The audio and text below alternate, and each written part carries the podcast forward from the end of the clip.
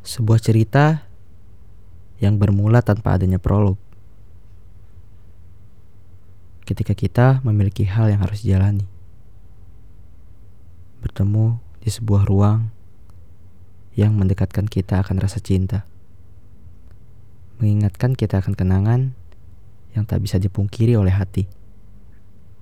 Kita memasuki ruang yang hampa itu. Berbagi kisah suka dan duka melewati rintangan yang begitu berat karena masa lalu. Berawal dari tidak adanya kepercayaan satu sama lain. Karena sikap kita yang berusaha untuk tak berharap dengan adanya cinta. Aku belum bisa. Aku belum bisa mengendalikan sebuah cerita yang tanpa berprolog ini. Aku selalu memaksa tanpa melindungi Aku selalu menemani tanpa memberikanmu ruang kebebasanmu sendiri. Maaf, kenangan burukku memang satu hal yang membuatku tak bisa hidup kembali dengan rasa yang seperti dulu kala.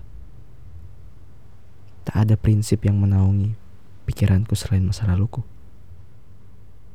Buruk, rusak, hampa, kesepian, tak ada kasih sayang monoton, dan semua sama.